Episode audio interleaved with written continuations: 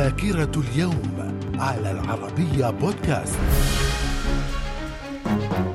أهلا بكم ومن ذاكرة الثامن عشر من أغسطس من العام 1807 انطلاق أول رحلة لسفينة بخارية نظامية اخترعها المهندس الأمريكي روبرت فيلتون مدشنا بذلك عصر الملاحة بالدفع الميكانيكي. في العام 1920 اجتماع بين الوفد المصري بزعامة سعد زغلول والوفد البريطاني وذلك لوضع صيغة الاعتراف باستقلال مصر. في العام 1900 1927 الملك محمد الخامس يتولى مقاليد الحكم في المغرب. من الذاكرة. وفي الثامن عشر من أغسطس من العام 1964 انتخاب شارل حلو رئيسا للجمهورية اللبنانية. وفي العام 2011 وحدة عسكرية إسرائيلية تقتل وتصيب عددا من الجنود المصريين على الحدود المصرية الإسرائيلية. من الذاكرة. من مواليد الثامن الثامن عشر من أغسطس العام 1830